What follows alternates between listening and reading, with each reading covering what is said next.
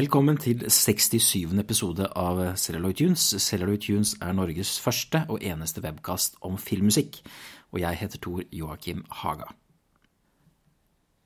Jeg har veldig lenge hatt lyst til å gjøre en episode om eh, dataspillmusikk. eh, Og vi har jo i forskjellige episoder spilt spor fra nettopp dataspill, men vi har aldri gjort en egen dedikert episode. Men jeg har vært litt redd for å gå inn i det landskapet, fordi det er jo såpass eh, overveldende. Det er så mange mm, underkategorier her vi kunne tatt for oss. Eh, Men jeg har nå valgt å starte med noe litt mer håndterbart, da, som er min egen eh, tid som dataspiller på, på 90-tallet. Spill som jeg i dag har selvfølgelig et nostalgisk forhold til. og ja, basically den tiden hvor jeg spilte dataspill. Etter årtusenskiftet så har jeg nesten ikke gjort det, med et par hederlige unntak. Jeg har kanskje spilt noen Fifa-turneringer og Telltale sine spill og sånn, det kan jeg komme litt tilbake til. Men hovedsakelig så er min spilltid det er på 90-tallet. Så jeg er nesten nødt til å starte denne episoden med litt sånn personlig kontekst. Det er litt viktig i denne sammenheng. Så på 90-tallet så var jeg da tenåring. Jeg bodde hjemme selvfølgelig og gikk på ja, ungdomsskolen og videregående skolen. Og, og, da var det nærmest en sånn institusjonalisert greie at jeg spilte eh, dataspill etter skoletid og i helgene oppe på garasjeloftet, hvor min far hadde da et kontor. Eh, der satt både jeg og min far og min bror også og spilte mye forskjellig. Eh, men aller mest så gikk det da i eventyrspill, et såkalt point and click-eventyrspill, som var veldig populær på den tiden. Hvor man da ikke kunne dø. Altså, jeg klarte ikke å spille spill hvor man døde, det var for stressende for meg. Så det gikk stort sett i det, pluss et par andre ting også. Jeg spilte også noen sånne flight- eller space-simulatorer og sånn, det skal vi komme litt tilbake til. Og fotballmanagerspill og sånn. Men um, i all hovedsak så var det disse eventyrspillene da som uh, som opptok meg. Og da er det klart at mange av de klippene og spillene jeg har valgt å trekke frem i dag, er nettopp i den kategorien der. Og jeg kommer helt sikkert til å ha flere episoder om dataspillmusikk. Det er jo andre temaer jeg har lyst til å snakke om også, sånn som ja, mye av nyere dataspillmusikk, særlig sånn elektronisk synt wave-aktige ting som jeg syns er veldig kult, som fortjener en eget tema. Så vil jeg gjerne ha en egen episode om LucasArts, det skal vi komme tilbake til. og og eh, kanskje jeg også da kan intervjue noen spillkomponister eller ha andre gjester med, for dette er, en, dette er, et stort område. Ok, så det var litt sånn personlig kontekst først. Eh, vi kan jo da begynne med de spillene jeg har valgt å trekke frem. Og jeg skal starte da med det som man må kalle for et banebrytende spill fra 1993, nemlig The Seventh Guest. Som var en av de aller første, slik jeg har forstått det, spillene som var sånne interaktive filmer. De var veldig populære på, på midten av 90-tallet. Jeg må bare si det med en gang at jeg er ingen sånn superekspert på teknikk og dataspill generelt. Jeg har bare denne veldig sterke perioden i mitt liv hvor jeg spilte, så folk må gjerne arrestere meg hvis jeg sier feil ting i forhold til dataspillhistorikk og sånn. Men jeg husker det var veldig mye snakk og skriverier om at The Seventh Guest var en av de tidligste adventure- eller puzzle-spillene som hadde da disse interaktive filmklippene som var filmet foran en green screen, da. Så den husker jeg svært godt. Noen av kuttscenene, som det heter, cutscenes, kanskje bedre enn selve de puzzlene, for de husker jeg ikke så godt. Men den, jeg kan også huske at den hadde veldig kul musikk da, av en fyr som heter George Sanger, eller George Alistair Sanger som vel er i 60-årene i dag, men han er også en av legendene innenfor spillmusikk. Skrevet musikk til andre kjente ting som Wing Commander og Loom og Zombies Ate My Neighbors, for eksempel. Han har også et sånt kallenavn hvor han blir kalt for The Fat Man. Og han har også et team rundt seg som han ofte skriver sammen med. Musikken til The Seven Guest er den er tidvis litt sånn jazza og akustisk. Den er ikke så syntdrevet, men den skal understreke litt av dette ja, litt sånn gotiske film noir-aktige, sånn, sånn, jeg husker det i hvert fall.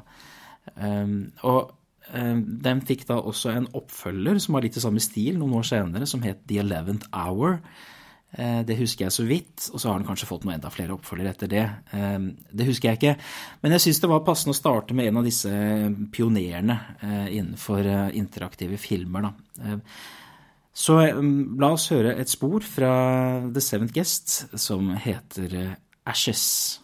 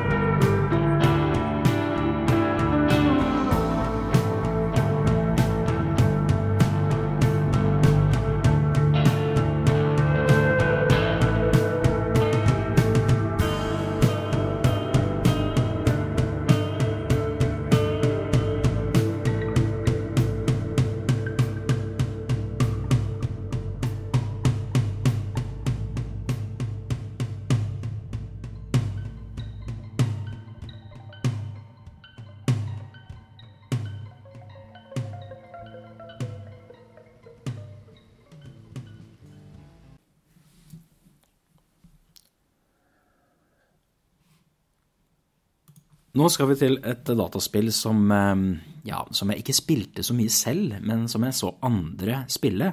Det var jo ofte det jeg gjorde da når det ble for eh, vanskelig eller det ble for mye død og skyting og herring. Da klarte jeg ikke å spille selv, da måtte jeg se på andre som om det var en film, rett og slett. Eh, og det vi skal til da, er Dune fra 1992. Et annet pionerspill, må vi si. Eh, det første Dune-spillet eh, var jo en slags eh, Basert på selvfølgelig Frank Herberts roman. Var jo en blanding av adventure og strategi. Og ja, strategispill var ikke noe som jeg spilte noe særlig. Jeg spilte kanskje litt sånn Civilization og Colonization og sånn, men, men ikke sånn veldig mye. Og Dune 2 var jo mer rendyrket strategi da, noen år senere. Eh, men jeg, har, jeg kan huske veldig denne Dune-bølgen. På det tidspunktet hadde jeg ikke sett David Lynch eh, sin film. Jeg var ikke så veldig kjent med kildelitteraturen. Det var egentlig via Dune 2 og Dune at eh, jeg kom inn i dette universet. Det er litt interessant nå som den nye filmen til Denise Villeneuve har premiere rett rundt hjørnet, at jeg trekker frem akkurat denne, da. Men det er jo selvfølgelig et enormt rikt univers, uansett om det er dataspill eller film eller TV-serie eller hva som helst. Og det gir jo også eh, komponistene en veldig stor og bred og deilig canvas å utfolde seg på. Eh, det blir spennende å se hva Hans Zimmer gjør for filmen som kommer nå. Men eh, til da dette spillet, Dune fra 1992, så er det en fransk komponist som heter Stéphane Pic, P-I-C-Q Eh, som eh, har skrevet musikken. Som også har holdt på i mange år, siden 80-tallet. Eh, og gjort andre kjente spill også, men det er nok kanskje dette han er mest kjent for. Og det er en annen komponist på, på Dune 2, men den første Dune-soundtracket, der er det en slags sånn ja, skal man si, altså en sånn herlig blanding av kraftverk, Jean-Michel Jarre, eh, Enigma, hadde jeg nær sagt.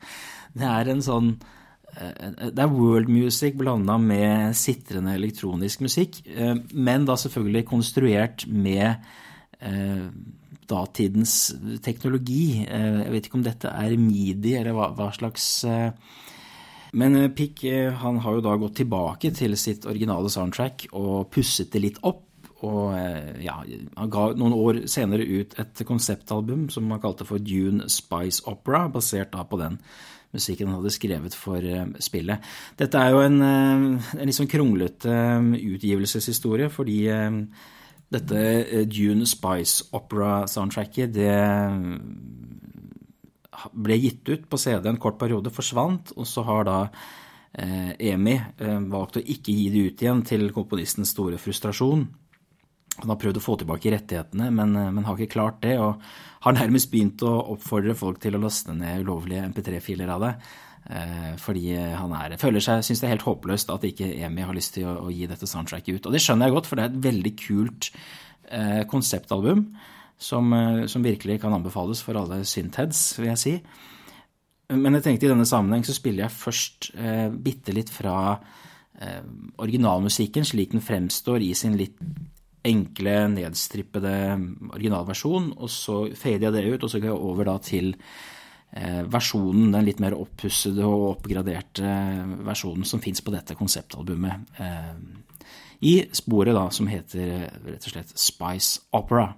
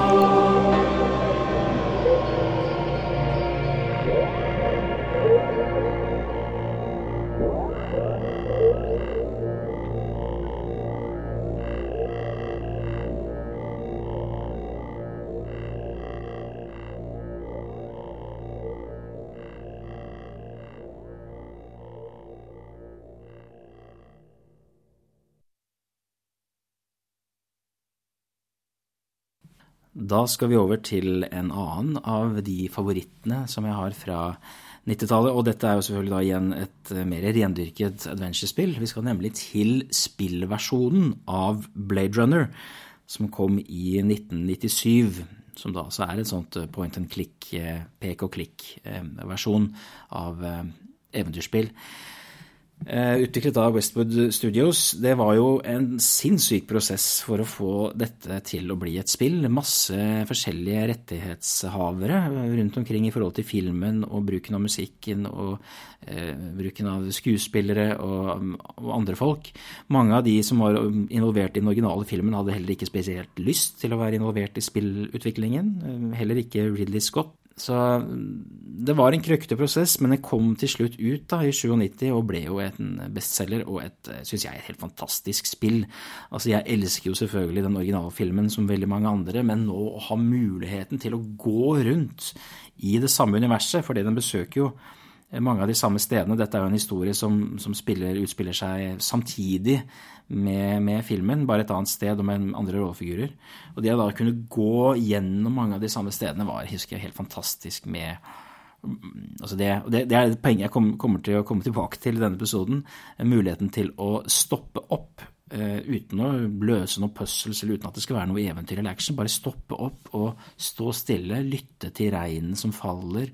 Uh, annen type lyddesign og um, bare ta inn uh, hele uh, stedet. Det er noe som jeg syns var fantastisk. Så et virkelig godt spill. Når det gjelder musikken, så fikk de jo da ikke Evangelis til å komme tilbake. Men de hyret en, en annen komponist, dvs. Si han var vel Westwood Studios huskomponist på den tiden, Frank Klepatski, eller Klepacki, jeg er litt usikker på hvordan du uttaler det etternavnet.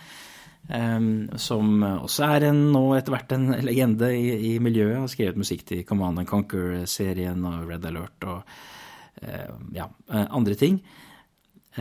Så han får jo da en litt sånn utakknemlig oppgave da, å komponere musikk i evangelisk stil. Men eh, det må jeg si at han løser fantastisk. fordi her får de altså ikke rettighetene til å bruke den originalmusikken, så Klepacki må da finne fram mange av de samme analoge syntene som det Vangelis hadde, og rekonstruere musikken så godt han kan.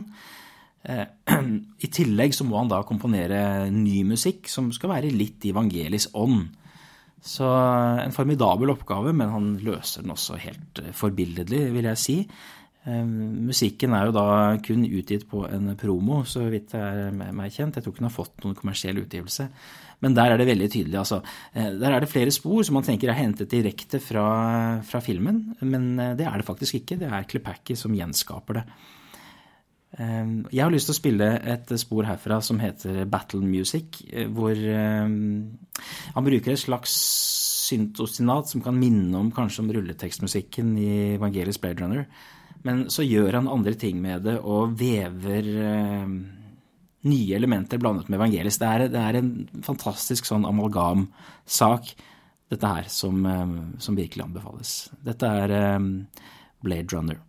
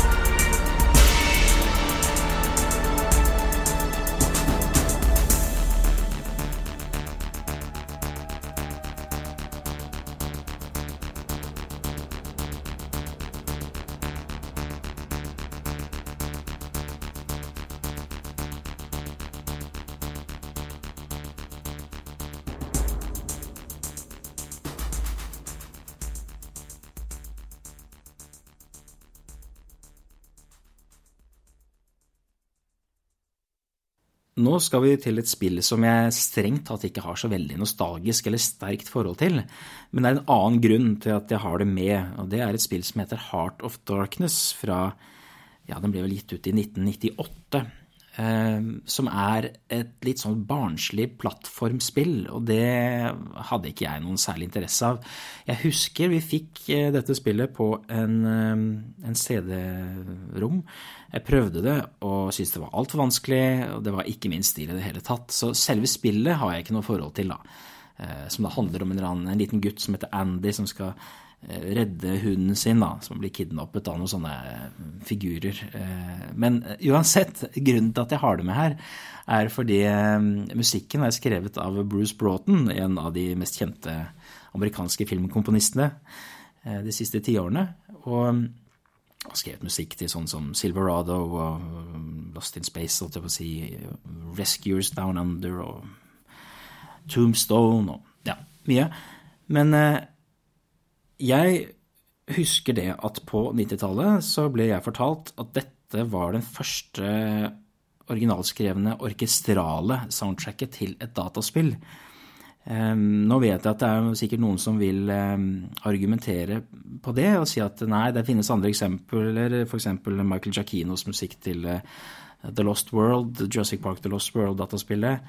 Så jeg skal ikke si det for sikkert. Men uansett er det i hvert fall én av de første orkestrale partiturene, som da selvfølgelig hørtes litt sånn komprimert og innelukket ut på i selve spillet. Det var datidens teknologi.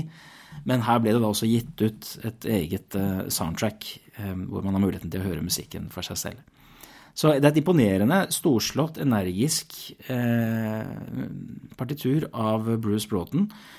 Som er eh, mer aktiv enn det man kanskje får inntrykk av i spillet. Men jeg tror at mesteparten av Broughtons eh, musikk brukes for cutscenes, altså disse filmede sekvensene eh, mellom selve gameplayet, da. Det er mye engelske ord her nå, men jeg vet ikke hva det heter på norsk. Så la oss høre på da åpningssporet, main title, fra Heart of Darkness.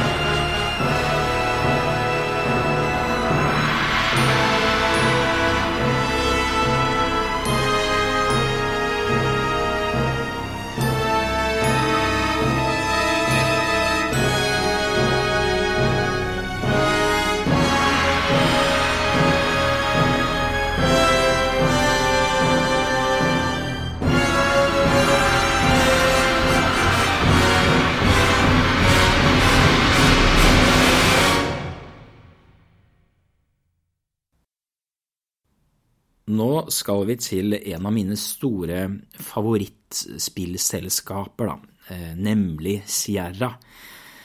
Som selvfølgelig er veldig kjent for alle disse Quest-spillene på 80- og 90-tallet. Kings Quest og Space Quest, Police Quest, Larry, eh, alle disse her. Men selv om jeg har vært borti dem også og spilt eh, de lite grann, så er det ikke de jeg har et veldig sterkt og nostalgisk forhold til. Det er tvert imot heller en serie spill som kommer på, på 90-tallet, og da selvfølgelig skrevet av eh, geniet eh, Roberta Williams, som er denne, dette, denne spilldesigneren og, og, forfatteren som har gjort så utrolig mye for Sierra opp igjennom, og andre ting også, er jeg sikker på. Eh, men særlig på midten av 90-tallet, med, med, populariteten til interaktive filmer, så føler jeg hun får en, en ny vår, kan man si. da. Og her finner vi også et par av mine favoritter innenfor, selvfølgelig, hadde jeg nær sagt, sjangeren pek og klikk, point and click, eventyrspill. Og den første jeg har lyst til å trekke frem, det er Gabriel Knight-serien. Som hvis første spill, da, Sins of the Fathers, kommer i, i 1993. Um, det er jo da en spilleserie som tar for seg en fyr som ja, Han er vel en forfatter, kanskje. Han driver i hvert fall en, en bokforhandler. Um, New Orleans. Og um, blir etter hvert viklet inn i et nettverk rundt uh, voodoo, og så oppdager han at han, uh, han har uh, aner tilbake til en tysk uh, Schattenjegers, altså skygge Shadow Hunters, og overnaturlige ting osv. Dette er jo en, det, en tematikk som går gjennom i alle spillene hans. Det er en veldig fascinerende historie som blander dette krimelementet med noe kult som i typisk eh, Roberta eh, Williams-stil, da, eh, har en formidabel oppbygning, veldig tiltagende intensitet i alle de spillene hun har skrevet. Musikken til spillet her er skrevet av hennes mann, Robert Holmes. Han skriver musikken til alle Gabriel Knight-spillene. Og det spillet jeg har mest tilknytning til i den serien, det er jo nummer to. The Beast Within, som fortsetter historien fra, fra eneren. Uh, men nå beveger vi oss også litt rundt omkring i, i, Tyskland, og det handler litt om varulver, og vi skal vel innom uh, Neuschwanstein annet, og Ludvig eh, den 14. og ja, det er en, uh, igjen en fantastisk blanding av mytologi, krim og det okkulte som jeg, jeg, elsker i disse spillene. Forskjellen her mellom spill 1 og 2 er at eneren er da mer sånn klassisk animert, mens toeren er uh, da en interaktiv film med filmede scener. Og det er jo store navn som er eh, involvert på stemmefronten her. Eneren er det jo Mark Hamill og Tim Curry og Lea Remini, for eksempel.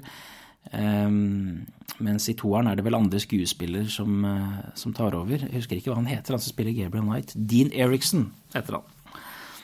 Men altså fantastisk soundtrack i disse to. Jeg har lyst til å spille et lite spor fra eneren og et fra toeren, som er det jeg har sterkest forhold til.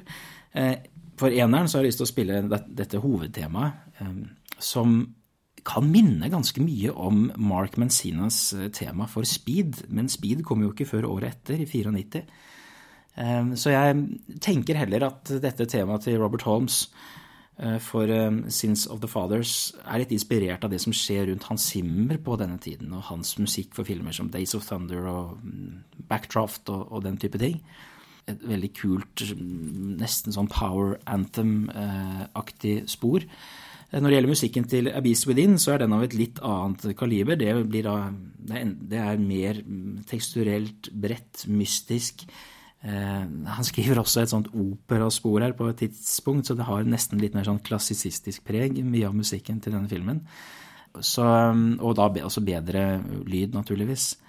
Bedre teknologi. Så her er eh, temaene fra hver av de to første Gabriel Knight-spillene.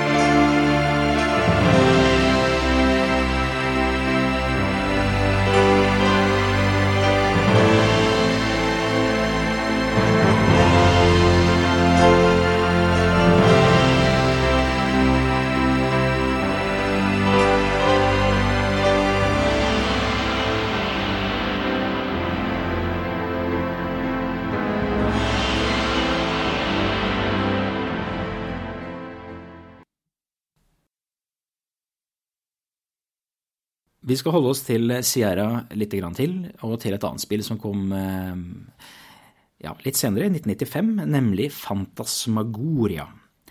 Også et pek og klikk eventyrspill. Her kan man jo da dø. Det er et, et skrekk, survival-skrekkaktig spill, dette her. Igjen designet da av Roberto Williams.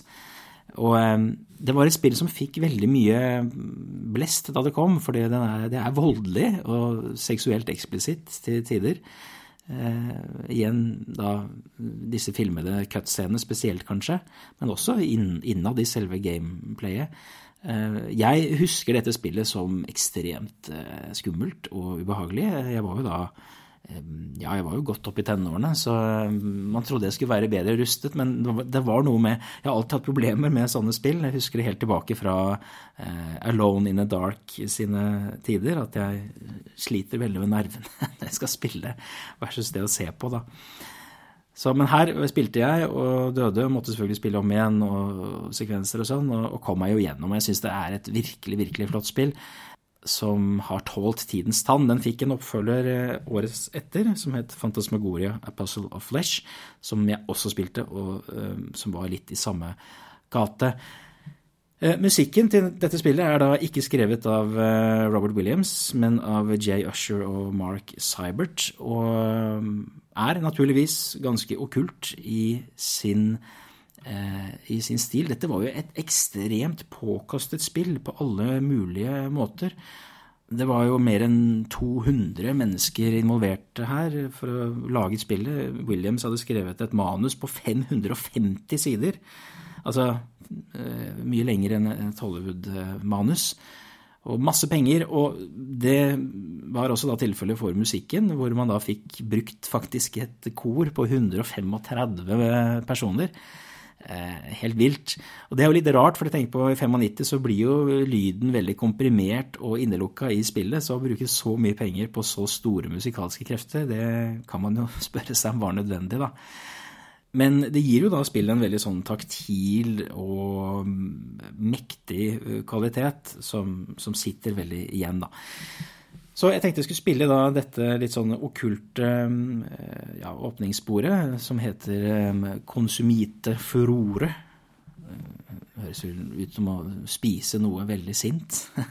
Som er tydelig inspirert av ja, Carl Horfs O Fortuna, eller, eller temaet fra Jerry Goldsmiths The Omen vi ligger i det territoriet.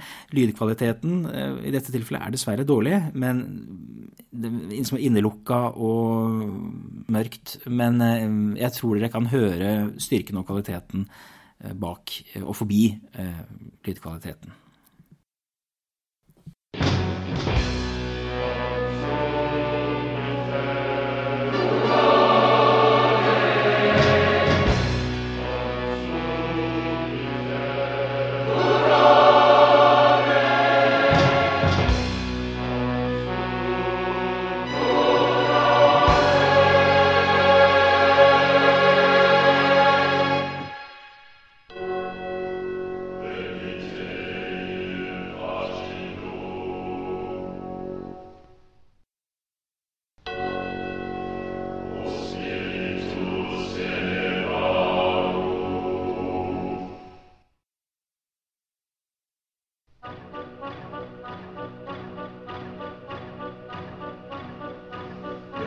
legge in facci nu. O Spiritus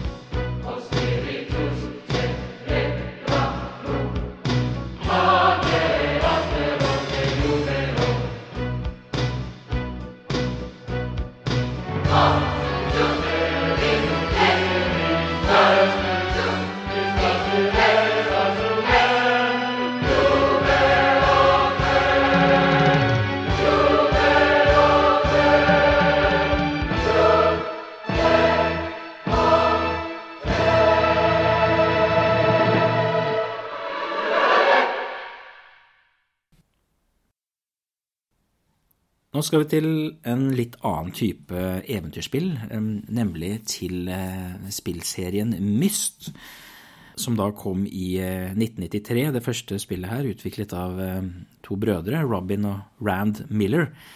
Dette er jo hva skal vi si, det er jo ikke direkte point and click, det er mer sånne puzzles, fordi her beveger man seg fra bilde til bilde innover i forskjellige universer. Så det er ikke en sånn 3D-generert bevegelsessimulator. Nå er jeg på tynt vann jeg prøver å beskrive det, men det, jeg tror dere skjønner hva jeg mener. Grafikken i dette spillet er helt enestående. Fantastisk. Jeg husker igjen ble ofte bli stående bare og se meg rundt og se på kvaliteten på vann og på fjell og på, på konstruksjoner. Eh, men det er ganske statisk, da. Og selve alle disse puzzlene som du skal løse, er, de er fryktelig vanskelige. Jeg husker vi sleit og rev oss i, i, hodet, både jeg og min far og andre kompiser som var der for å prøve å spille dette spillet.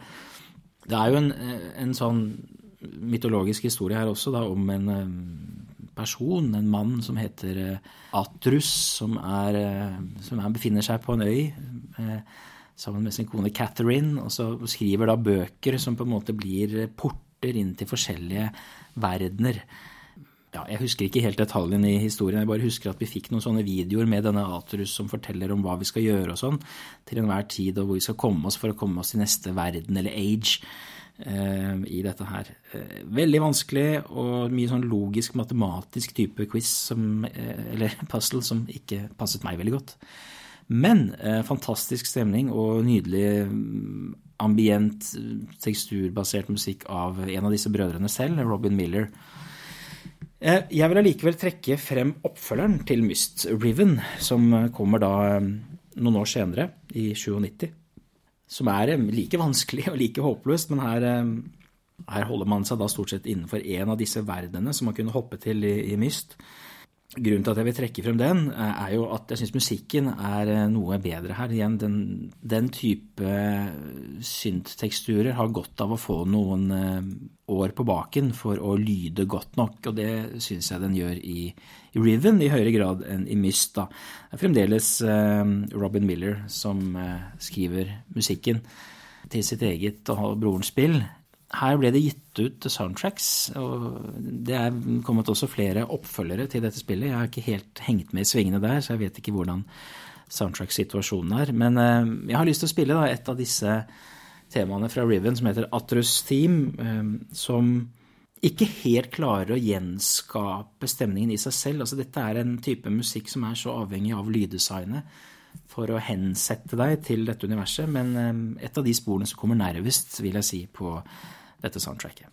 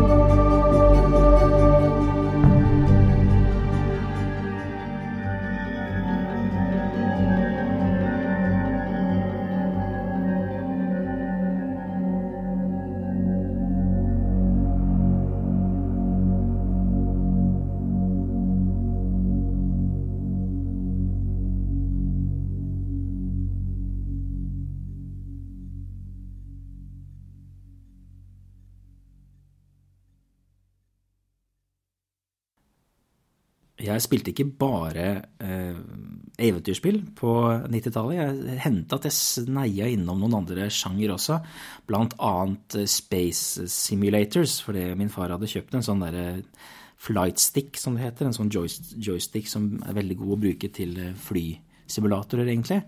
Eh, akkurat flysimulator og sånn, det spilte jeg ikke så mye, men jeg, alt som hadde med space og sci-fi å gjøre, da var jeg mer med.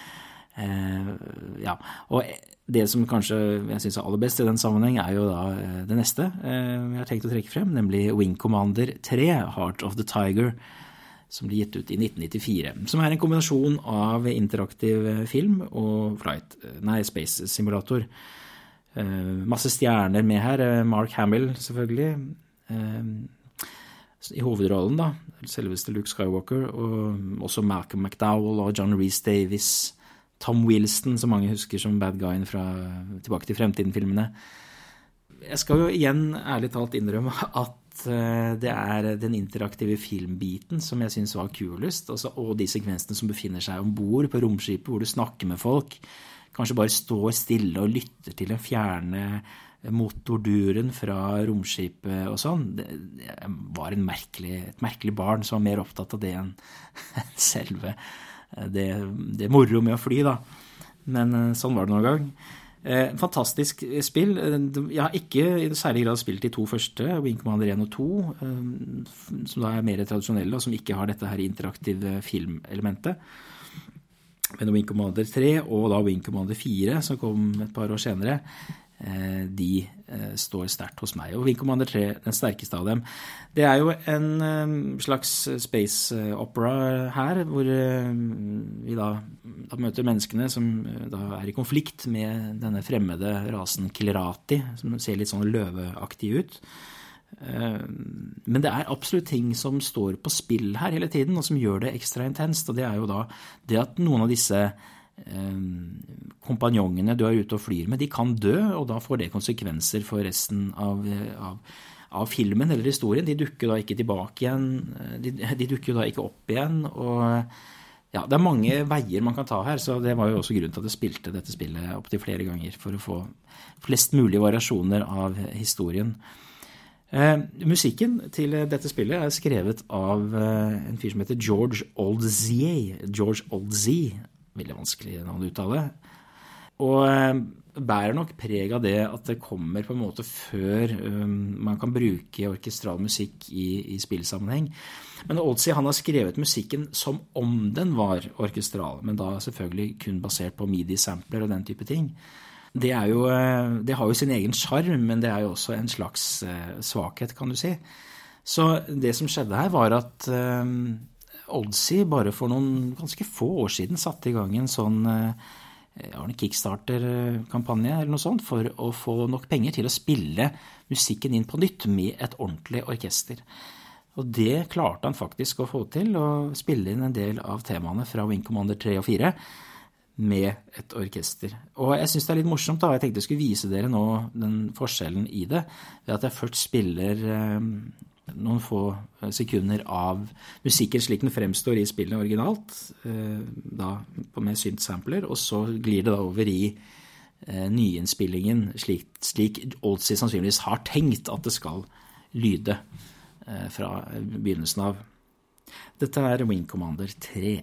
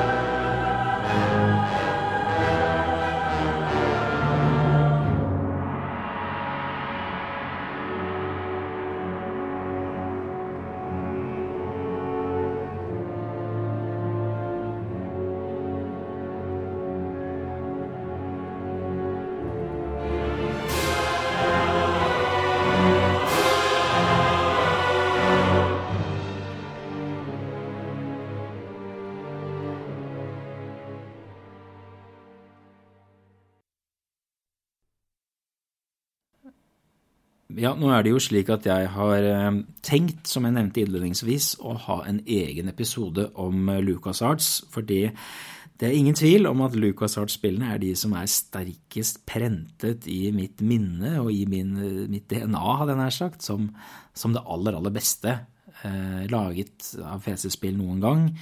Og det er mange spill å gripe fatt i her i denne gullalderen for, eh, for, eventyrspill. Men jeg har lyst til å spare en del av det til en egen dedikert episode, og da kanskje til og med med noen gjester. Eh, men jeg måtte jo selvfølgelig nevne det også i denne min egen personlige nostalgiepisode eh, ved å trekke frem ja, kanskje de to viktigste, nemlig da først Monkey Island som Monkey Island-serien egentlig i seg selv. Da. Eh, det er jo laget fem, eh, kan man si, eh, kapitler av dette her. Første av dem kommer allerede i 1990. Og Så kommer det nummer to i 1991, og så hopper vi noen år til 97. Da kommer tre, og så kommer fireren i 2000, og så gjør vi et ganske stort hopp til ja, 2009. Da kommer eh, det såkalte Tales of Monkey Island på Telltale Games, som er et, eh, et nytt selskap som kommer på slutten av 2000-tallet, som lager spill eh, sånn som man gjorde på 90-tallet. da. De har vel også hentet ressurspersoner fra LucasArts og andre som kan være med å bygge dette selskapet opp. Og de eh, lager spill som jeg liker. Det er en av de få gangene siden årtusenskiftet jeg har spilt spill. Det, er når det har vært fra Telltale.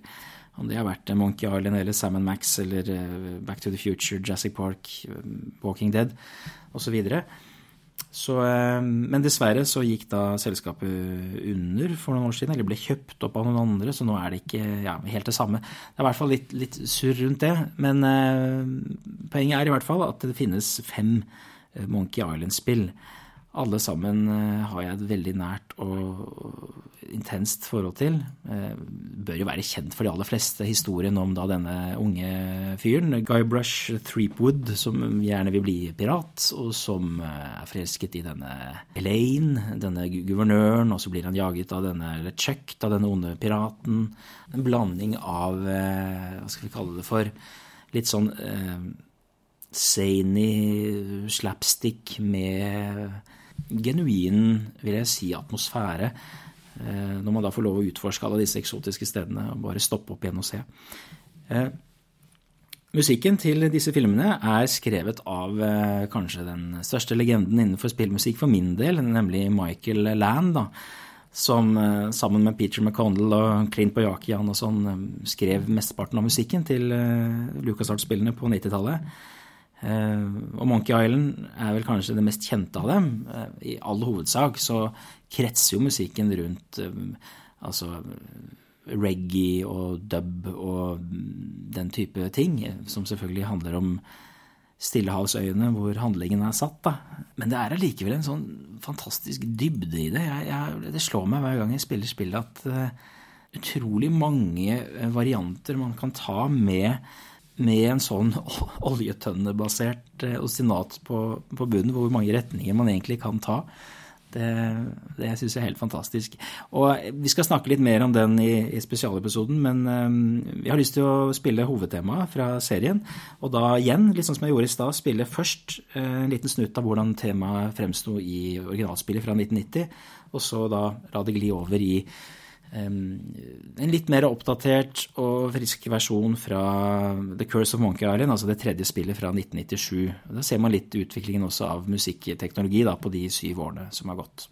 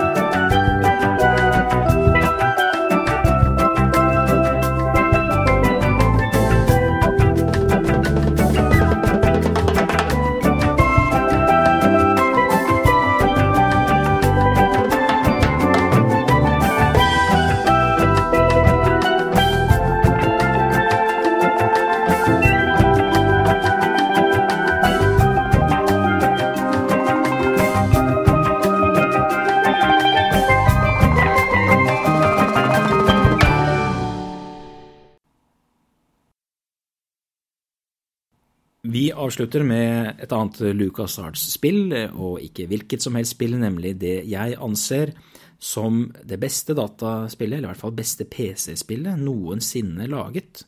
Så sterke ord vil jeg bruke, og da snakker jeg om The Dig, som kommer i 1995, da. Eh, det er jo da en historie som er eh, skapt, en idé, kommer fra en idé av selveste Steven Spielberg. Han hadde vel kanskje tenkt at han skulle eh, filme dette for TV-serien Amazing Stories i sin tid, men det ville selvfølgelig bli altfor dyrt og vanskelig. Så i stedet så endte det da opp som dataspill mange år senere. Og ja, det var jo ikke noen billig sak dette her heller. Et veldig, veldig ambisiøst spill om noen astronauter som skal egentlig sprenge bort en, eh, en, komet som er på vei, eller en asteroide da, som er på vei mot jorda. Litt sånn deep impact eller Armageddon-aktig. Men så, via den asteroiden, så blir de transportert til en fremmed og rar verden. Eh, Atlantis-aktig. Den har jo en del fellestrekk, dette spillet, med Indiana Jones and the Fate of Atlantis. Eh, og må da finne ut av eh, omgivelsene for å finne en vei tilbake til, jorda igjen. Det er eh, for det første en kul historie, et kult premiss, men det, igjen så handler det veldig mye om tilstedeværelse. Altså, det var så viktig for meg at spillene hadde en omsluttende stemning, og det, er her er denne helt eh, makeløs, vil jeg si. Eh, noen mener at puzzlene her var litt for vanskelige. Det syns ikke jeg egentlig. Og om man skulle stå fast, så fantes det alltid sånne walkthroughs man kunne finne eh, på internett. Men altså lyddesignet her, eh, blandet med eh, musikken til Michael Land, er, er, det som står sterkest for meg. Og ja, jeg kan jo si det med en gang, at Michael Lands musikk her er også mitt favoritt-dataspill-soundtrack gjennom alle tider. Og jeg har til og med spilt noe derfra før, nemlig i vår episode om hva var det for noen verdensromfilmer eller noe sånt. Der snek jeg inn en, et spor fra, fra The Dig også selv om det ikke er noen film. Eh, så det, veldig, veldig, det står meg veldig veldig nært. Det er jo Hva skal vi kalle musikken her? Det er en slags blanding av Vangelis og Wagner. Eh, Wagner var et stikkord når de skulle lage musikken her. Så Michael Land tok eh, små snutter fra Wagner og spilte det om, kombinerer det på forskjellige måter, lar det bli del av en større helhet. Eh, det skal være stort, magisk, religiøst, vil jeg si til tider. Og bare helt, helt fantastisk. Og her gis det faktisk også ut et, eh, et soundtrack-album i, i 96. Det første uh, soundtrack-albumet som gis ut fra LucasArts. På, ja, det er vel rundt 40 minutter, og så er det selvfølgelig mulig å finne resten av musikken rundt omkring hvis man absolutt vil det. Men uh, originalsoundtracket der er også helt, helt, fantastisk. Det er jo ikke her snakk om så mange definerbare temaer. Dette er store, brede uh, akkorder, uh, moduleringer, som er i, i sentrum. men det er jo også det som gjør den så usigelig vakker, da. Faktisk en type musikk som man, man hører ganske mye av i dag i film- og TV-sammenheng men som ikke var så vanlig på, på det litt mer hva skal vi si, konkrete eller bokstavelige 90-tallet. Så nei, eh, jeg kunne snakket om The digg i timevis og tatt for meg enkeltscener eller locations og ja. Men det skal jeg ikke gjøre, det får jeg spare kanskje til LucasArts-episoden. Eh, jeg har allerede som sagt spilt et spor fra dette soundtracket tidligere, men da avslutter jeg med et annet spor da, fra det samme soundtracket, nemlig The Monument.